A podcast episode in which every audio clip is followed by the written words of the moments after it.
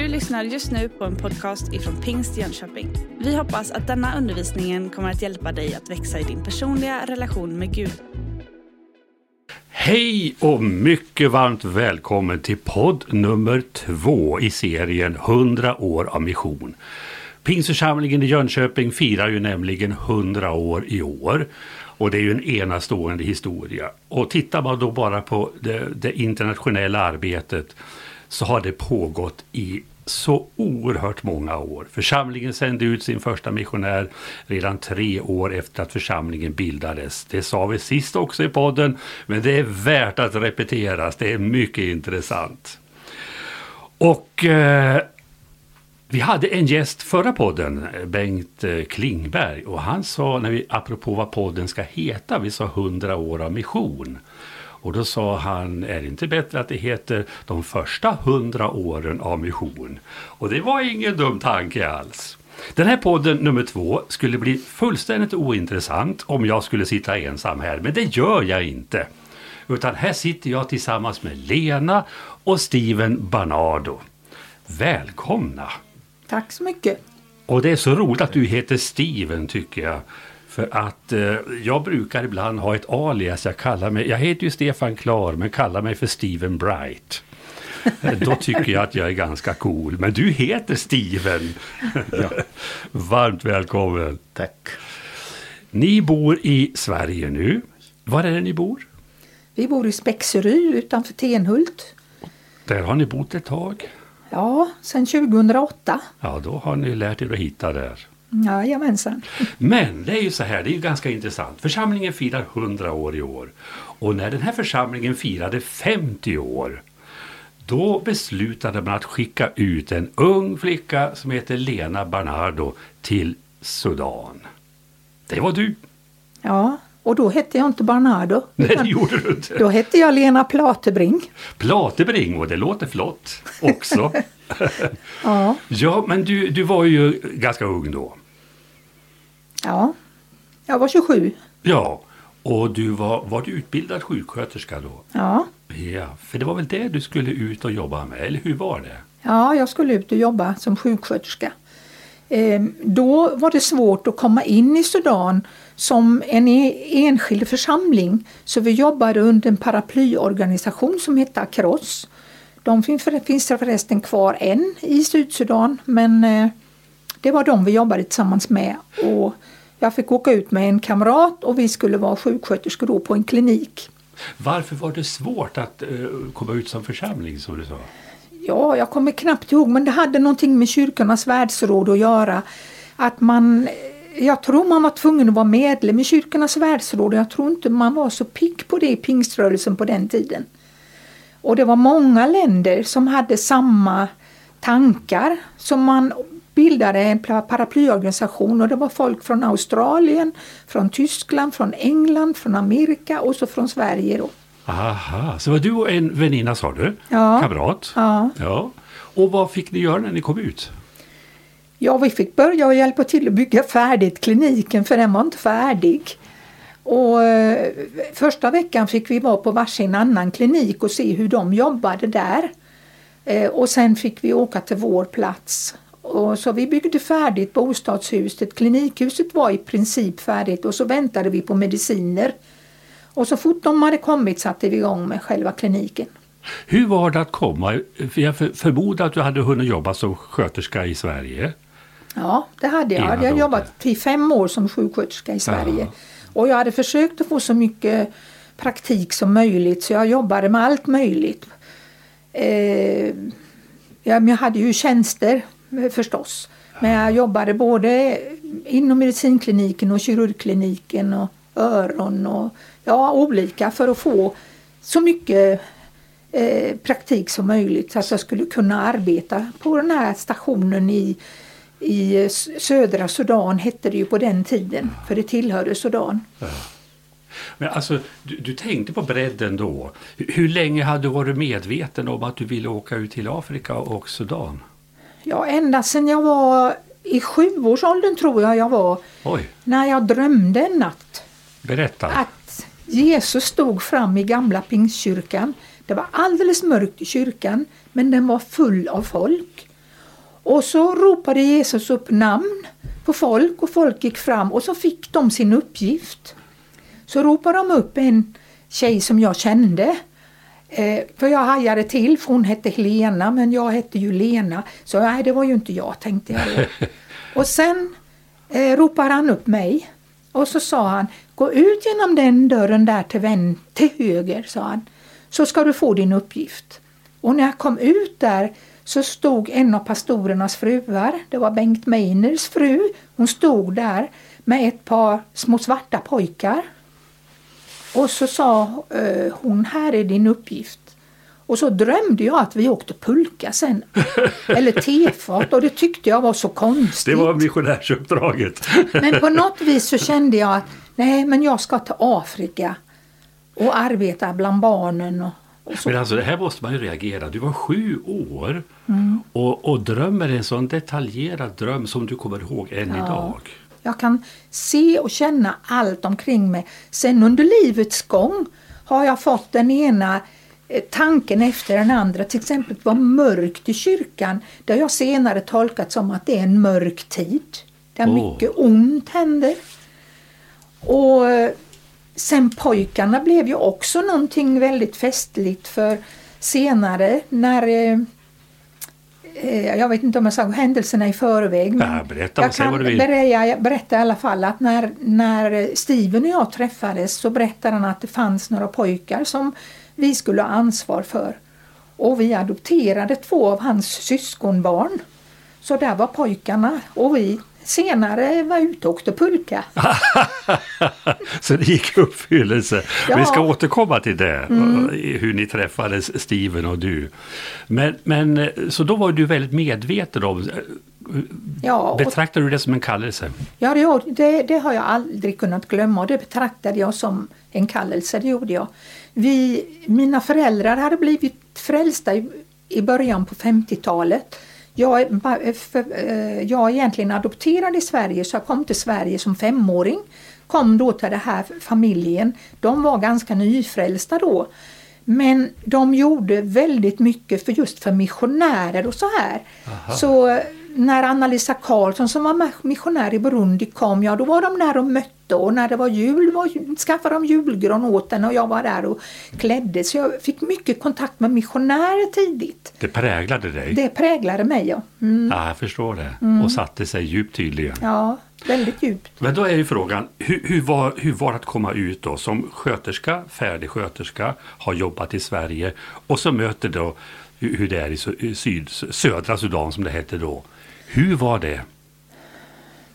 Ja, jag vet knappt vad jag ska säga. Det var så spännande allting eh, på något vis.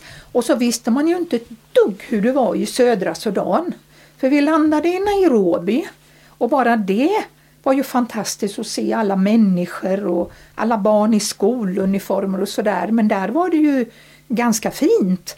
Och så kommer vi upp och landar på en liten flygplats, en liten airstrip som vi kallade det, Just. som var högt gräs och så stack det ut huvuden och tittade på oss som steg ur planet. Alltså, då undrade jag, men vart har jag kommit? ja, och det var ju väldigt enkla förhållanden du hamnade i. Väldigt enkla förhållanden. Fattigdomen ja. var utbredd. Ja. Hur, hur var det?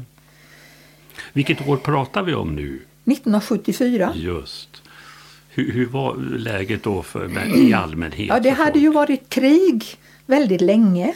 Det hade blivit fred 1972 och folk hade sakta kommit tillbaka till byarna. Men jag märkte ju så småningom att eh, folk var ju egentligen väldigt spända och kanske inte tänk, visste om de skulle kunna stanna eller inte. Så det var några hyddor här och där men inga etablerade hem som det blev efter några år. Aha. För efter några år märkte man, det gjorde folk staket runt sina hus Jaha. och de odlade mer och, och de skaffade mer kläder och så. Eh, för det var väldigt fattigt när vi kom och i kyrkan så satt ju till exempel ungdomarna med bara eh, lite grässtrån runt sig. Eh, så ja, men jag märkte ju så småningom att folk vågade stanna. För de började förstå att nu är kriget slut, nu kan vi vara här. Var du beredd på den här kontrasten? Nej, Nej. det var jag inte. Var det, kan man till och med använda ordet chock? Nej, jag Nej. tyckte inte det var chockartat faktiskt. Nej. Hur var det då? Ja, jag, vet, jag tyckte det var väldigt spännande och roligt. Ah, Okej. Ja, så jag var väldigt glad att jag var där. Ja, var det så? Ja, det var jag. För du blev ju där i många år. Ja, på bara den platsen var jag i nio år. Ja. Och sen var jag på andra platser så att eh, Men du, du sa att det var en mörk tid. Vad ligger i de orden? Ja, i de orden kan jag väl känna att, jag menar,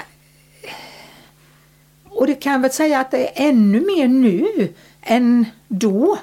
Eh, när, när man hör om krig och oroligheter och så här och människor som svälter och som är sjuka och ja. Ja. Då när, många, när det finns många som inte längre vill tro att Jesus finns. Det, det tycker jag är, symboliserar en mörk tid. Känner du dig utlämnad eh, någon gång? Rädd?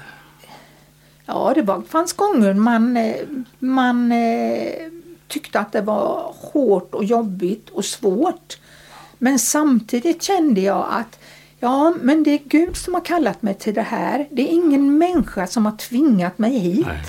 Och det kände jag att det gjorde inte eh, pastorn i våran församling eller äldstebrunna eller någon. Utan, för jag talade inte om för någon i början eh, det här med att jag hade kallelse. Nej, du bar det tog- för dig själv. Jag bar det för mig själv väldigt länge.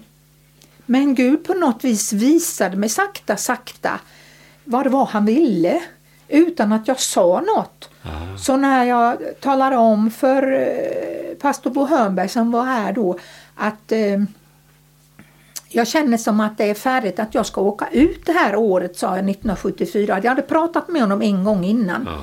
Och då sa, frågade han om jag visste vart jag skulle åka. Jag sa nej, det vet jag inte för att jag hade trott jag skulle åka till Rwanda och försökt att lära mig franska och det kunde jag inte. Usch, nej. Så, Ett hemskt språk. så, jag, ja, så jag tänkte, ja men Jesus om inte det är dit jag ska, då får du, då får du leda mig. Då satsar jag på engelskan, sa jag till Herren, för jag har alltid pratat så där med honom. Ja. Och eh, så 74 så, så kände jag, nej men det, det är i år jag ska åka. Jag, jag bara var övertygad om det. Och så på evangelistveckan annonserade de om att de behövde sjuksköterskor till Etiopien som kunde hjälpa till för det var hungersnöd där. Och de vanliga missionärerna behöver jobba med hungersnöden så vi behöver några sjuksköterskor som kan hoppa in på klinikerna. Ja. Så då gick jag och anmälde mig. Ja. Och då sa Bo Hörnberg, ja men då ska jag prata med styrelsen om det, eller Ja. med äldstekåren om det. Ja. Sen efter några veckor så kallade han in mig och så sa han att ja, vi har pratat om det, det var ingen tvekan. Alla hade klart för sig att du ska bli missionär så det var ingen frågan om det. Hur kändes det? Det kändes jättebra. Ja. Jag var jätteglad för det. Så sa han så här, men vi har en fråga till dig. Skulle du kunna tänka dig åka till södra Sudan istället? Ja men det är ju dit jag ska, sa jag då. Men varför hade Sudan landat i ditt hjärta? Ja, det var lite märkligt för att eh, jag hörde Birgitta Johansson, Tage Johanssons fru, en dag berätta om att de har varit i Kibish och att det låg nära Sudangränsen. Och där är det så öppet så det kan komma in sudaneser och vi kan ge dem biblar. Och det där kunde jag inte glömma. Sudan, sudaneser. Så jag började undersöka lite om Sudan. Eh, Så jag fattade ingenting. Sen blev jag inbjuden av Tage Johansson en dag. En och kom, missionär, ja. Ja, han var missionär här. Eh, och var med för de hade ett besök från Australien. Och han sa, du är ju missionsintresserad, sa han, men jag hade aldrig pratat med honom. Nej, Men det hade han fått det för kunde sig. han läsa av. Ja. Så, och så kommer jag dit och då är det den mannen som var, eh, vad kallar man? Ja, han, han var liksom den högste i föreningen, i den här eh, organisationen Across som Aha. var i södra Sudan. Aha.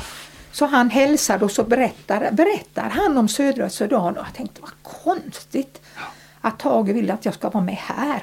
Tack ja. Ja. Så då fick jag det ännu mer planterat när jag fick höra om nöden där och, och så att de behövde fyra sjuksköterskor. Ja. Till plats, en plats som heter Barol och en som heter Geri. Ja.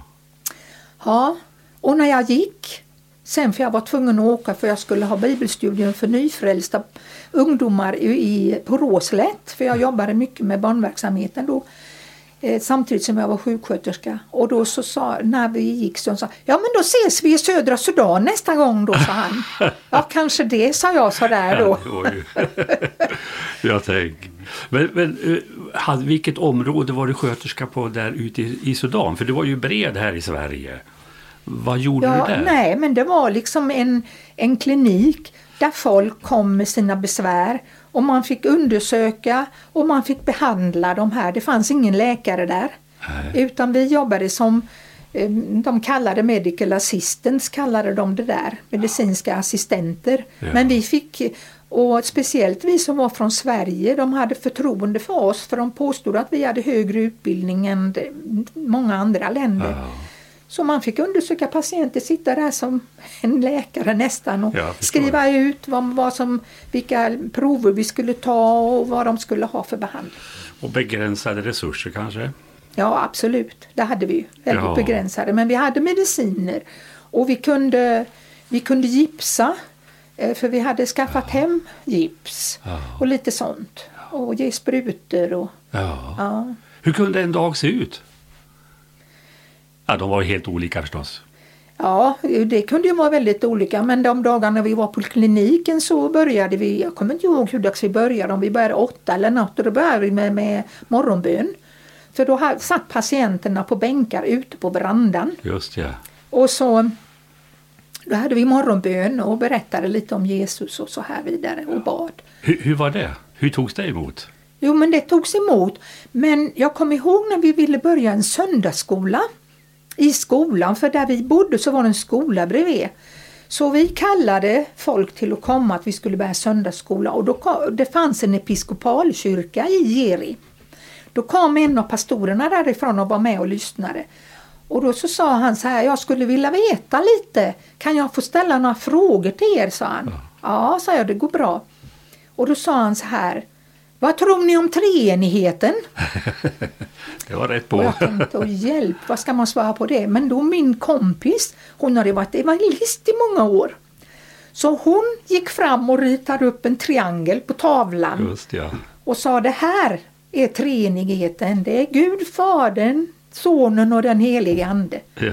Jaha, ja men då kan ni fortsätta med söndagsskolan. Bara vi trodde på treenigheten så var det bra. Ganska tyckte intressant. han vi hade det rätt. Vad var skälet att det var just en viktig fråga? Jag vet inte. Nej. För det är väl inte alla, alla eh, som kallar sig kristna som tror på treenigheten kan jag tänka mig. Men jag Nej. vet faktiskt inte. Nej. Men han ville veta det. Och sen var det fritt fram. Du berättade att du hade bibelstudium i, på Råslätt. Mm. Betyder det att du hade sånt också där ute i Sudan? Eh, inte direkt så, men eh, vi, vi brukade ju ha möten ibland i kvarteret där vi bodde. Och sen eh, hjälper jag ju till i kyrkan ibland så jag var med i kvinnoverksamheten. De till och med avskilde mig som kvinnoarbetare så jag fick ha vit klänning och blått band. Aha. Så, och där talade jag och sen fick vi predika en gång i månaden. Jaha, så där ja. Mm. Hur kändes det? Ja, det kändes bra. Ja, det gjorde Man det. tyckte ändå att uh, nu är jag ju med och jag både gör nytta för de sjuka och hjälper ja. till i församlingen. Ja, det är en helhetsuppgift på något ja. vis. Det är ju det. Ja. Och jag kommer ihåg att Bo Hörnberg sa till mig när jag åkte, åk nu inte ut och starta en pingstförsamling för Nej. finns det en församling där så gå in och var med där och påverka. Så klokt. Ja, Så klokt. Det tycker jag också. Ja. Och här sitter Steven. Jag, jag måste ju höra, när träffade du eh, Lena första gången? Kommer du ihåg det? 85. Nej. 75. 75? Ja, det var 75 när jag var lärare i... I en grannby? Ja. Du var lärare i en grannby?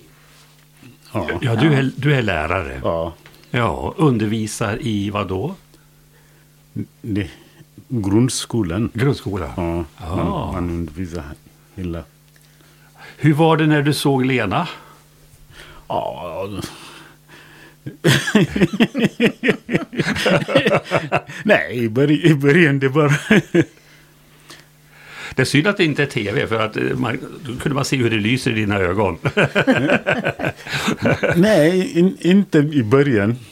Vi har ingen tänke på i början. Nej, vi tänkte Nej. inte på honom Nej. för jag blev var nästan rädd för honom för han kom alltid med en massa konstiga frågor. Jaha du. Och med små ampuller med medicin och ville veta vad är det och är det bra och så här. Jag det gillade kanske var- honom det, inte. Det kanske var steg för att få kontakt. Ja, Men det var ju så att det blev inte bara vänskap utan ni, det blev någonting djupare mellan er. Men eh, ni, 76, Ja. jag var skickad till Jerry i skolan där. Just ja. Ja. så då blev han granne med mig. Aha. För skolan låg bredvid blev ni kliniken. grannar. Då blev vi grannar. Ja. Men, men ni blev ju kära, för att tala klartext, Mm. och blev förtjusta i varandra. Det var inte helt, alltså det är så intressant för det är hundra år av mission vi pratar om. Mm. Och, och det var på den tiden lite känsligt. Eller hur? Ja, det var det. Hur då? Ja, jag eh, kom hem. Eller vi, vi blev kära i varandra och jag tänkte att jag undrar hur pingströrelsen ställer sig till det. Ja. Det var vad jag tänkte. Och det var 1979 vi upptäckte det. Inte, då hade vi ju känt varandra ända sedan 1975. Ja. För att han hade gjort en korrespondenskurs för mig som jag hade rättat och skrivit en massa frågor som var jättesvåra att svara på. Så jag bad till Gud mycket Ja. för det. Och sen när jag kom hem eh, 1977 då skrev de sjuksköterskorna som var efter mig där på den kliniken och berättade att nu har Steven blivit frälst ordentligt, tyckte de då. Mm. För han var ju med i Episkopalkyrkan men Just. på något vis hade det blivit en förvandling med honom. Sen kom jag tillbaka ut 79 och då blev vi eh, kära kan jag säga. För, Ja. Och då trodde jag att nej men det här är fel. Jaha. Jag trodde det var en frestelse. Ah. Ja, det hade jag fått för mig. Så när han åkte på semester då bad jag till Gud att käre Gud, om det här är fel, ta bort de här känslorna ifrån mig. Tänk ja. Ja. Och han, när han var på semester så bad han tydligen samma ja. Som jag. Ja. Och sen när vi träffades igen så var ju känslorna kvar. Ja. Ja.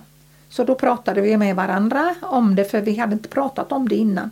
Utan det var bara liksom hur vi upplevde var för sig. Och så efter ett år så var jag hemma i Sverige lite snabbt på en evangelistvecka. För att min mamma hade varit sjuk. För när jag var hemma 78 så dog min pappa, min adoptivpappa. Eh, och då åkte jag hem, för jag hade en liten semester då för att uppmuntra henne lite och så var, gick jag till evangelistveckan och var med lite. Och då pratade jag med Bo Hörnberg och så frågade han om hur ställde sig pingströrelsen till blandäktenskap, sa jag. Och då fick jag beskedet, ja det är fel. Hur kändes det? Nej, men jag tänkte, ja men han är ju tokig. Man kan väl be om det först. Och kolla med Gud vad Gud tycker. För Tycker bara, du det? Tyckte jag. För Ja. bara säga så när det kändes väldigt konstigt. Blev du orolig då? Ja, inte direkt, men jag tänkte tiden får väl utvisa, tror jag jag tänkte. Om jag inte minns fel. Sen efter ett tag kom det ett brev. Och då skrev han, eh, Bo Hörnberg till mig att eh, jag har tänkt på det vi pratade om och eh, jag upplever att det är fel så antingen får du komma hem eller också får pojken lämna byn. Oj. Hur kändes det? Ja, det kändes som väldigt hårda bud. Ja. Men då hade han sökt in på bibelskola. Så eh, då skrev jag bara och svarade så här att ja, eh, Steven har sökt in på bibelskola så om han kommer in så kommer han ju att lämna byn. Och med det lugnade han sig. Ah. Men han kom inte in det året så han var kvar ett år till. Men sen Ja. året därpå kom han in. Ja. Så då var han borta ur byn fast han kom ofta och hälsade Ja. på. Sen var jag hemma 82 på sommaren. Och då frågade inte Bosse någonting. Och jag hade väl en kamp och funderade hur ska jag göra? Ja.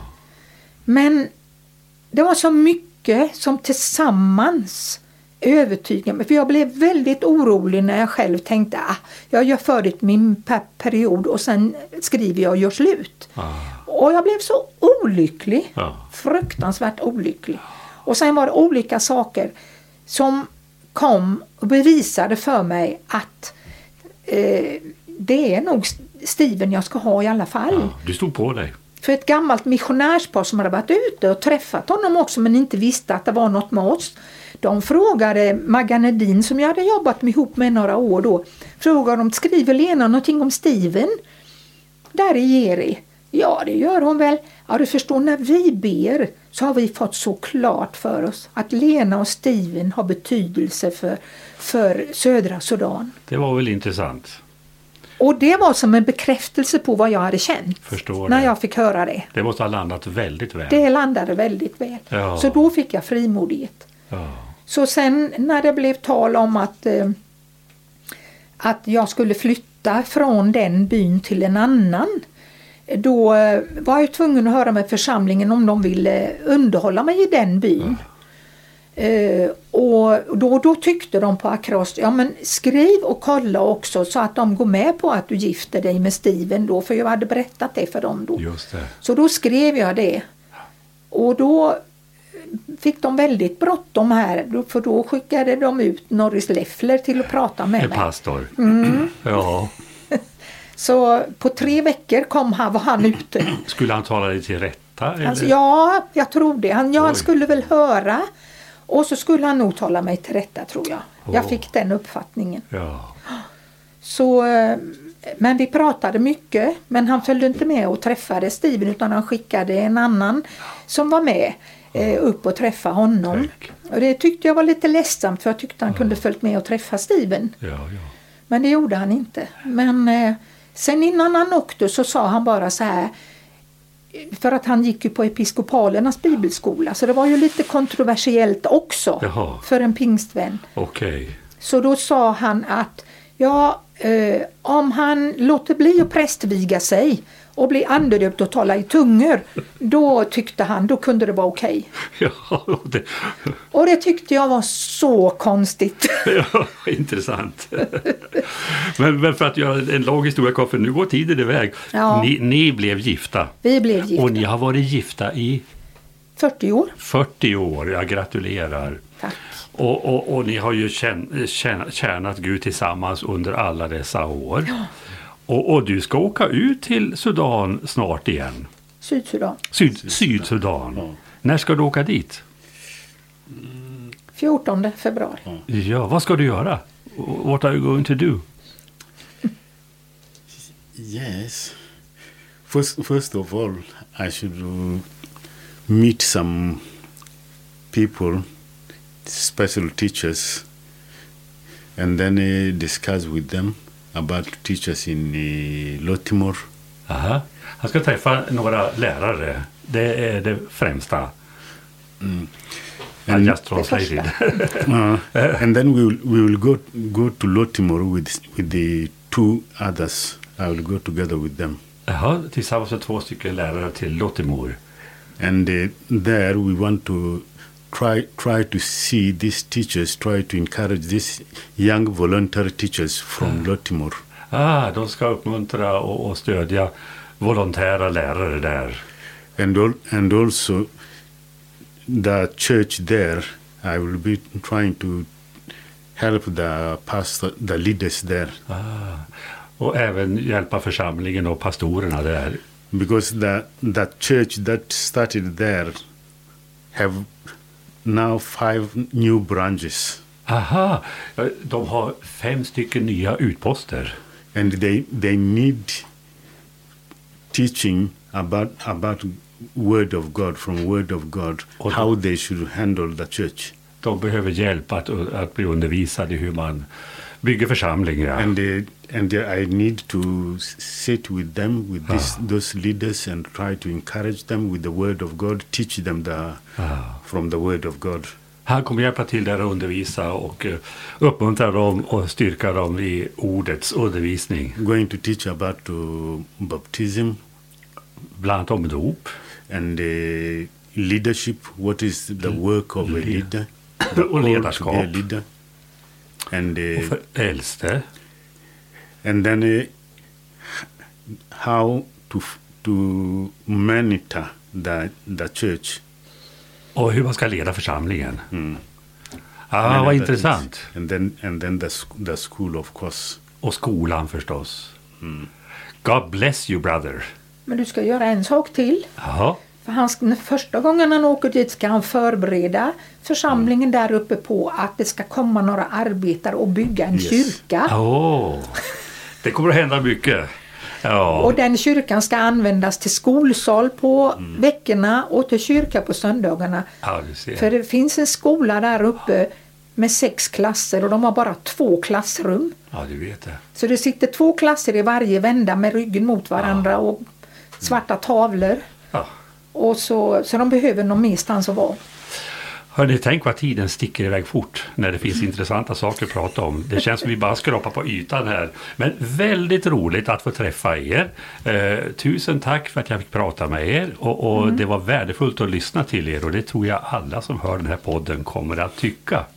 Så Gud välsigne er och jag säger tack till Per Gustafsson också som har rattat tekniken här.